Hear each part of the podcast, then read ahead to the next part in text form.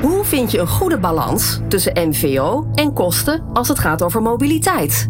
Tijd om slimmer te leasen. In de Slim Leasen podcast praten presentator Volker Tempelman en consultants Elske van der Vliert en Arjos Bot u bij over de laatste ontwikkelingen. Welkom bij de Slim Leasen podcast. Elske en Arjos, welkom. Ja, dankjewel. Dankjewel. Leuk dat jullie er zijn. Deel 3. CO2 gaan we het over hebben. Heftig uh, CO2-uitstoot is een uh, vast afgeleide van de verbruikte brandstof. Klinkt logisch. Je rijdt meer, dus je stoot meer uit. Maar Elske, is dat wel zo logisch dat dat uh, zo direct is? Nou ja, dat is in ieder geval direct. Maar je moet zo'n auto natuurlijk ook in elkaar zetten. En je moet zo'n auto uiteindelijk ook afdanken. En ja, of je, je moet ook die brandstof ergens vandaan halen. En al dat soort dingen spelen wel mee in die totale CO2-uitstoot. Als je well-to-wheel gaat kijken, dus echt van de bron tot en met het gebruik, uh, dan speelt er heel veel meer mee dan alleen gewoon puur de CO2-uitstoot doordat je die brandstof opstookt. Kan je die, kan je die, uh, die uh, facetten een beetje toelichten? Wat, wat zijn dat dan allemaal precies? Nou, je, be je begint eigenlijk met de productiefase. En als je in een gewone benzine-diesel gemiddeld genomen kijkt, dan is dat zo'n beetje 15% van de CO2-uitstoot ongeveer hè, door de bank genomen. Want mm -hmm. bij een Hummer kan het wel eens anders zijn dan bij een kleine iCoachje. Um, vervolgens ga je gebruiken en daar zit wel echt de grootste uitstoot hoor. De, qua CO2-uitstoot heb je daar ongeveer 80% van de totale uitstoot te pakken. En dat niet alleen. Heb je ook te maken met fijnstofuitstoot. Je hebt te maken met de NOx, hè, stikstofoxide, stikstofdioxide uitstoot. Slecht voor de luchtkwaliteit, ook slecht voor de gezondheid van mensen. Um, even een ja? stapje mm. terug, uh, rem ik even af. Want uh, Heel wow, ja. wat zijn dat allemaal voor, voor verschillende uh, gassen, giffen die, ja. die de wereld in gaan? Ja, um, um, fijnstofuitstoot komt eigenlijk doordat je niet helemaal volledig alles kunt verbranden in zo'n motor. Dat is nou eenmaal zo. Hij kan niet elk litertje, druppeltje diesel echt omzetten tot een hele mooie, uh, ja, mooie uitstoot. Dus je krijgt wat fijnstof. Dat is gewoon, ja, dat is vieze lucht. Dat is dat, de route, mm. daar moet je aan denken. Het is slecht voor de longen, uh, uh, slecht voor de gezondheid van mensen. Die NOx-uitstoot, dat komt omdat er stikstof in de lucht zit. Die gaat ook de motor natuurlijk in. De hoge temperaturen, nou ja, dan krijg je stikstofdioxide van. Doe je ook niks aan. Wel met katalysatoren. Maar mm -hmm. op zich hoort dat gewoon bij het verbrandingsproces. En is ook slecht voor jou als mens. Word je ook ongezond van. Nou ja. Dan moet je die auto nog afdanken. Dan moet hij nog naar de schroot. En ook daar is weer energie voor nodig. Dus ook daar heb je nog 5% ongeveer van de uh, CO2-uitstoot zitten. Ja, en zo uh, telt het dus bij elkaar op. Ja. Um, Arjos, uh, voor jou ook zo logisch uh, dat dit zo opgebouwd is en uh, dat dat verband ook zo direct is?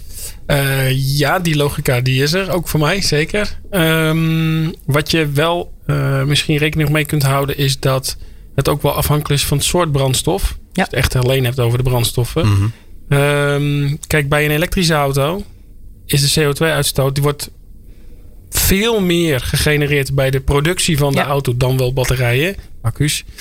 Uh, en bij het recyclen, want daar ga ik maar vanuit, van die auto aan het eind van zijn uh, mm -hmm. economische levensduur of technische levensduur. En, maar, maar, ja, als de elektriciteit groen of duurzaam uh, opgewekt is, met zonnepanelen of windenergie bijvoorbeeld, ja, dan gaat er heel weinig. dat is een voorbeeld van een, een vervoersmiddel waarbij je heel weinig directe CO2 uitstoot. Ja bij het daadwerkelijk gebruik van een auto. Wat kan jij zeggen over inderdaad dat argument dat mensen er altijd wel in gooien van uh, ja, elektrisch rijden is dan uh, inderdaad uh, misschien beter voor het milieu, maar dan vergeet je inderdaad dat dat allemaal moet worden gemaakt en die stroom moet worden opgewekt en die batterijen komen ergens vandaan en moeten weer ja. ja, verwerkt worden. Goeie vraag. Ja, waar, um, waar ligt dat? twee, twee, twee dingen denk ik meteen aan. Um, zowel bij waterstof als bij elektriciteit. Ja, de manier waarop het opgewekt is en of dat duurzaam is, dat is een hele relevante factor. Als je extreem bijvoorbeeld uh, met nog een steenkool of bruinkoolcentrale uh, gaat, elektriciteit gaat opwekken en dat in een elektrische auto stopt. Dat is niet de, de manier waarop het zou moeten, nee, zeg maar. Nee. Oké, okay. dat is één. Ik ben uh, bij een aantal uh, autofabrikanten op bezoek geweest. Onder andere bij Opel in Rüsselsheim en bij uh, Nissan.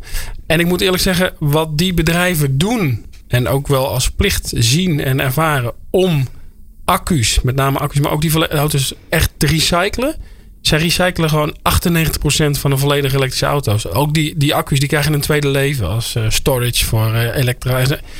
Dat is echt goed georganiseerd. Zijn verder mee dan, uh, dan we misschien zouden denken? Ja, als, dat, als, ik, ik, was echt onder de indruk. En dat is echt. Uh, dus voor mij persoonlijk is dat geen enkele reden om, uh, om, om die reden te denken van oh, dat komt niet goed of dat is niet goed. Dit is de Slim Lease podcast met Volker Tempelman, Elske van de Vliert en Arjos Bot. Is het zo dat het eigenlijk dan dus wel tegenvalt hoe groen je bent als je een elektrische auto rijdt? Is het uiteindelijk gewoon net zo schadelijk voor het milieu?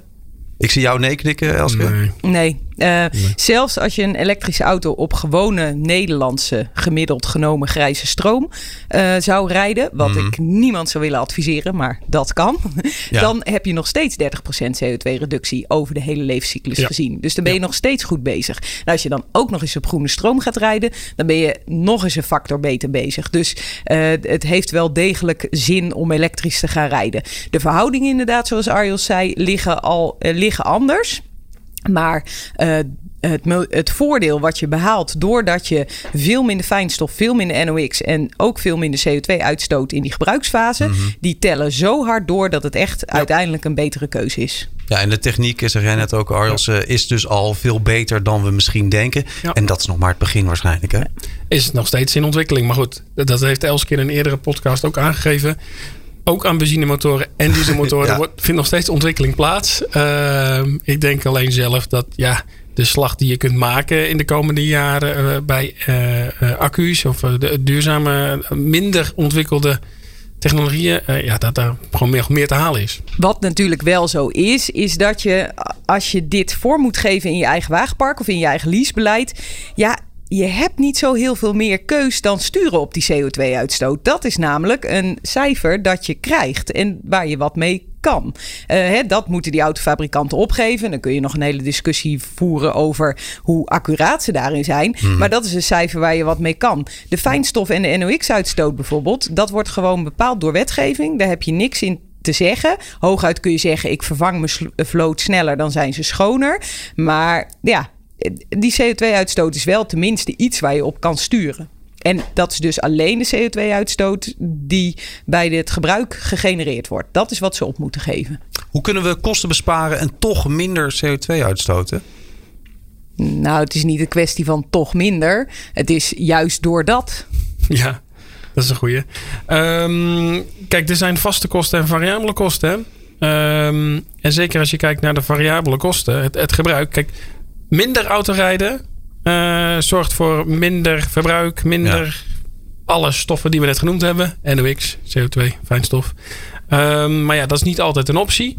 En wat je ook ziet vandaag de dag, is dat de CO2-uitstoot weer stijgt. Ik noem dat eigenlijk altijd de hockeystick curve. Dus we hebben jarenlang een tendens gezien dat de CO2 gemiddeld genomen op papier daalt. Mm -hmm. En inmiddels gaat die weer omhoog.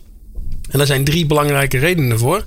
Uh, reden 1 is dat uh, de SUV enorm uh, in populariteit gegroeid is. Het is het meest verkochte type auto in Europa en ook in Nederland. En, en de clichés en waar die dingen zijn gewoon... ze zijn iets groter en zwaarder en hebben een groter frontaal oppervlak. Ja. En, en als iets zwaarder en groter is, moet je ook weer zwaardere wielen en zwaardere remmen. En alles is groter en zwaarder. ja. En alles wat duurder en groter en zwaarder is, kost gewoon meer energie om het te te, in beweging te krijgen. Ja, dus meer uitstoot. Ja, meer Ja. uitstoot. Dus dat is één. Twee, eh, onder de huidige eh, marktsentiment om eh, wat te verschuiven, noem ik het dan maar, van diesel naar benzine. Eh, dat is heel goed voor de NOx-uitstoot. Is heel Ja. goed voor de fijnstofuitstoot. Maar is niet zo goed voor de CO2-uitstoot. Omdat gemiddeld genomen, want ook hier zijn weer enkele uitzonderingen op. Gemiddeld genomen een benzinemotor meer CO2 uitstoot dan een dieselmotor. Ja.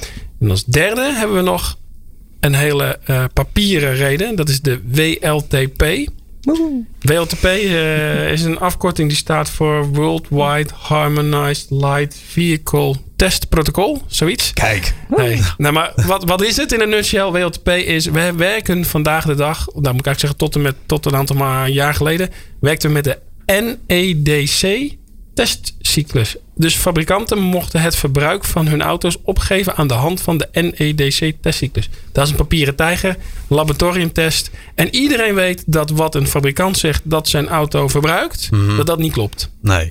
Nu is er een nieuwe test, die is een stuk realistischer. Die helemaal reëel is, laat ik in het midden, maar hij is een stuk realistischer. Dus wat gebeurt er? Op papier gaat dezelfde auto 20, 25 procent meer brandstofverbruik en daarmee dus ook 25% meer CO2 uitstoten. Dus die drie elementen bij elkaar maken dat wij nu zien dat ja, CO2-uitstoot omhoog schiet eigenlijk. Dit is de Slim Lease podcast. Wat moeten we ons afvragen? Uh, of we lekker bezig zijn, of er meer uh, wet en regelgeving moet komen, of het bij de producenten van de auto's ligt. Uh, Waar gaat, dat, waar gaat dat heen? Nou, volgens mij moet je je als bedrijf afvragen: wat wil je nou eigenlijk op lange termijn? Wil je bijdragen aan een betere wereld? Wil je over 10, 20, 30, 40 jaar nog bestaan? Wil je uh, je klanten beter bedienen door duurzaam bezig te zijn?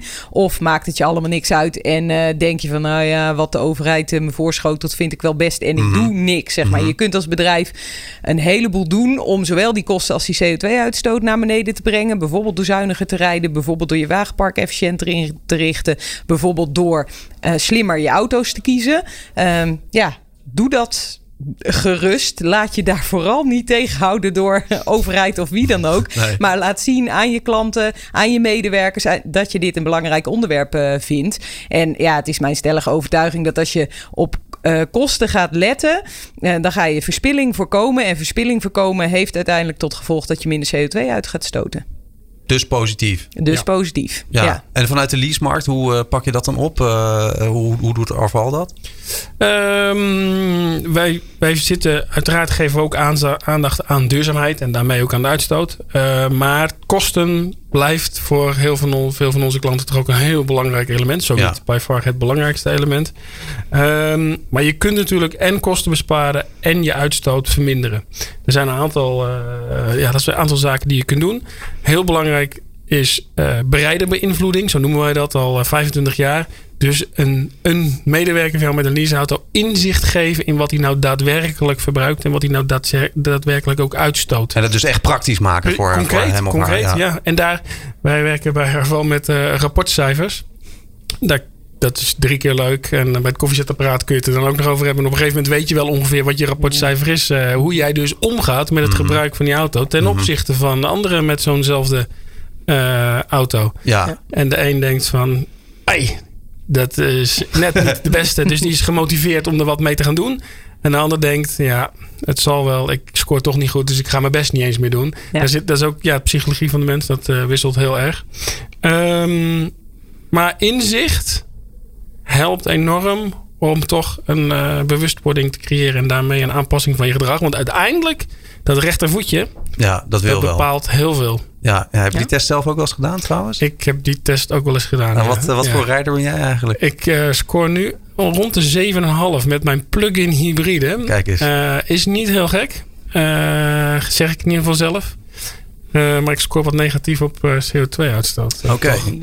En Elske, heb jij zo'n test ook wel eens gedaan? Ja, in de app die bij mijn auto hoort, uh, die ja. houdt bij zeg maar, wat ik verbruik en hoe ik sta ten opzichte van andere bereiders. Mm -hmm. En daarbij, weet je, ik help natuurlijk met CROI bedrijven op dit gebied. Dus ik heb ook een heleboel aanbieders van dit soort apps en dingen die naar me toe komen. Dus ik heb er meerdere uitgeprobeerd. En ik zal echt niet zeggen dat ik de meest zuinige rijder ben die er bestaat. maar ik merk wel dat elke keer word je weer met je neus op de feiten gedrukt. En dat is gewoon goed. Dit is de Slim Lease podcast. 95 gram moet gaan gelden als gemiddelde maximale CO2-uitstoot vanaf 2021 in de EU. Elske, hoe haalbaar is dat over drie ja, jaar? Ja, de, makkelijk. Ik bedoel, uh, als die. Uh, kijk, technisch is dat namelijk allemaal geen probleem. Dus het zit hem op, willen die autofabrikanten nou echt? En die autofabrikanten willen best wel op het moment dat dit soort eisen worden gesteld. Dat heb je eigenlijk ook gezien met de euronorm. Die is ook hartstikke streng. De euronorm gaat over die uitstoot van die NOx en die fijnstof. En um, doordat die eisen zo streng zijn, zijn uiteindelijk die fabrikanten er ook naar gaan werken. Dan heb je er een paar gehad die dachten: we kunnen het echt niet en we gaan frauderen. Dat is natuurlijk wel wat je, nou ja, waar je heel scherp op moet zijn en wat je ja. moet voorkomen. Maar die 95 gram die kunnen ze makkelijk halen. En ja, dat het voor Porsche lastiger is dan, uh, dan voor Toyota, ja, dat snapt iedereen. Ja. Uh, maar goed, het zet juist wel innovatie aan. Hè? Dat, dat Jaguar nou komt met die iPace, dat heeft hier wel mee te maken. En als dit soort eisen dus niet worden gesteld, dan gaat het ook niet gebeuren. En uh, uiteindelijk, uh, ja, ik vind natuurlijk dat ze uiteindelijk moeten zeggen: hoppa, 0 gram uitstoot, gaat maar regelen. Dan krijg je een heleboel gedoe. Dus deze 95 gram, nou, dat dat gaat lukken. Kan je dat eens uh, tastbaar maken? Die 95 gram moeten gelden als gemiddeld uh, maximale CO2-uitstoot. Wat, wat, betekent dat voor iemand die er helemaal niks van af weet? Nou, ik, uh, gemiddeld genomen in het wagenpark. Maar misschien Arjos, ja. jij weet natuurlijk mooie gemiddelde cijfers van Arval Wagenpark. Maar zeg dat het van een mooi net leasewagenpark op dit moment ligt het zo rond de 100, 110 gram per, per klopt, kilometer. Klopt. Dus weet je, dus het is incrementeel beter. Hè? Mhm. Dat is, het is niet zo. Zou het wel wat lager kunnen eigenlijk? Ja, dat hangt. Kijk, ja. die 95 gram is nog op de oude, op de oude meetmethodiek ja. gebaseerd. En we gaan dus naar de nieuwe, of we zijn nu in de transitie naar de nieuwe WLTP-meetmethodiek. en daardoor stijgen sowieso alle CO2-uitstoot op papier. Uh, ja, wat ik zei, uh, ja. 15, ja. 20, 25 procent. Ja, ja, ja. En dat maakt op zich, dat, je zou kunnen zeggen dat het opeens een stuk lastiger maakt om je doelstelling te realiseren. Um, analyses toont aan dat een aantal fabrikanten het wel echt gaan halen. Uh, de, degene die het het best voor elkaar hebben, lijken te hebben bij, bij 2021 zijn uh, Volvo, Toyota en Renault Nissan. Hm. Maar er zijn vooral een paar Duitse fabrikanten, uh, BMW, Volkswagen, Ford, die echt nog wel een uitdaging hebben om die doelstelling te halen.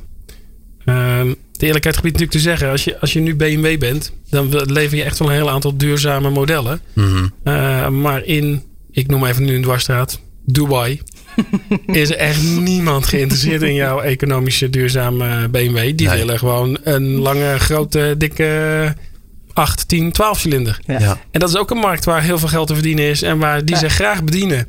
En eh, dat is een beetje de uitdaging, denk ik, waar ze uiteindelijk voor staan. Daar een, eh, Wel goed punt trouwens. Is het niet überhaupt inderdaad eh, water naar de zee dragen? Kunnen we hier in de EU wel met z'n allen heel eh, verantwoord en duurzaam bezig eh, zijn of willen zijn? Mhm. Maar ja, als het dan aan de andere kant weer net zo hard uitgaat. ja, ja, ik hey. hoor ook altijd van die verhalen van die olietankers op de oceaan, wat die allemaal uitstoten. Ja, Ja. ja, ja. oké, dat is zo. Maar ja, als we nergens beginnen, dan komen we echt geen stapje Nee, verder. nee.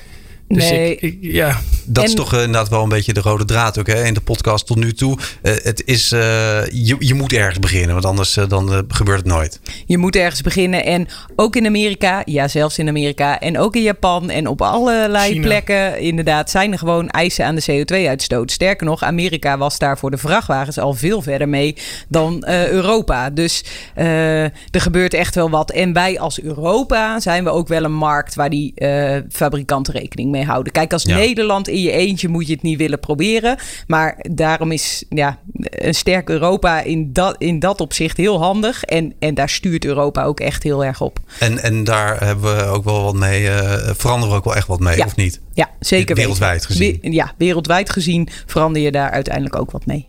Dit is de Slim Lease podcast met Volker Tempelman, Elske van de Vliert en Arjos Bot. Wat ik ook wel interessant vind eh, om te vragen is eh, of een beleid gericht op CO2-reductie eigenlijk alleen maar goed is. ik heb hier nog een mooi rapport eh, voor me. eh, eh, we hebben het Ja. Corporate Vehicle Observatory. Dat is een eh, Europees onderzoeksinstituut. Die doen ieder jaar een onderzoek. Dat heet de Barometer. Naar trends en ontwikkelingen in de zakelijke mobiliteit. En daar zie je ook dat Nederland, wat een redelijk volwassen land is qua autobeleid en uh, leaseregelingen. En dat er heel veel bedrijven in Nederland al ja, iets in hun autoregeling hebben opgenomen qua maximale CO2-grenzen of per leaseklasse zelfs, Mhm. per brandstofsoort. Eh, dus wat dat betreft zijn we op zich goed bezig. Mhm. Maar terug naar jouw vraag, ja, daar, daar is echt nog wel wat te, te winnen. Ja. Ehm, maar ik kan niet meteen een nadeel verzinnen. Eh, kijk, wat het enige is, fabrikanten verzinnen steeds nieuwe technieken. Dan wel software, dan wel hardware. Om die auto steeds schoner te maken. Of Ja. de uitstoot te beperken. En dat kan natuurlijk ook allemaal een keer kapot. Of moet vervangen. Of, of, of, daar hadden we recent ook een voorbeeldje van in het nieuws. Wordt gewoon ertussenuit gehaald omdat dan de auto lekkerder loopt. Of dat je geen problemen meer krijgt met die betreffende onderdelen. Mhm. Ja, dan ben je natuurlijk ook met z'n allen eh, niet heel handig bezig. nee, niet echt. Nee. Het, is, het is een beetje, dat is vroeger met je brommen. Dan moest de, de demper ook eh, van je uitlaat even opengezaagd. Om eh, wat eruit te halen, zodat hij daarna weer eh, wat harder liep. Lekker door kon, ja. Ja. En wil er nog wel wat op aanvullen, Elske? Eh, ja, zeker. Ehm, want Uh, vanuit bedrijven gezien is het, is het gewoon slim en handig om op die CO2-uitstoot te, te, sturen. Want dat is, dat is iets waar je wat mee kan. Ja, het is concreet. Vanuit de overheid gezien vind ik dat er in de afgelopen jaren veel te veel aandacht alleen naar die CO2-uitstoot is gegaan. Terwijl er veel meer aandacht naar de uh, luchtkwaliteit had kunnen gaan. Uh, en, en dan zie je dus ook dat opties zoals groen gas, waar we het de vorige keer ook al over hadden, eigenlijk buiten beeld blijven. en dat is, dat is zonde, want daardoor, wij hebben niet zo'n hele schone lucht in Nederland. Dus daar zou nog veel meer over gedaan kunnen worden. En dat zou ook bakken met kosten schelen, want al die mensen worden ziek en die moeten dus naar het ziekenhuis en dat kost gewoon heel veel geld. We zijn aan het einde gekomen van uh, deel 3 van de Slim Lease podcast. Elske, site en waar kunnen we de podcast ook alweer vinden? slimleasepodcast.nl Volgende keer hebben we het over alternatieve brandstoffen. Tot zover deze aflevering van de Slim Lease podcast. Zorg dat je op de hoogte blijft van alle ontwikkelingen op het gebied van zakelijke mobiliteit. En luister ook naar de volgende aflevering.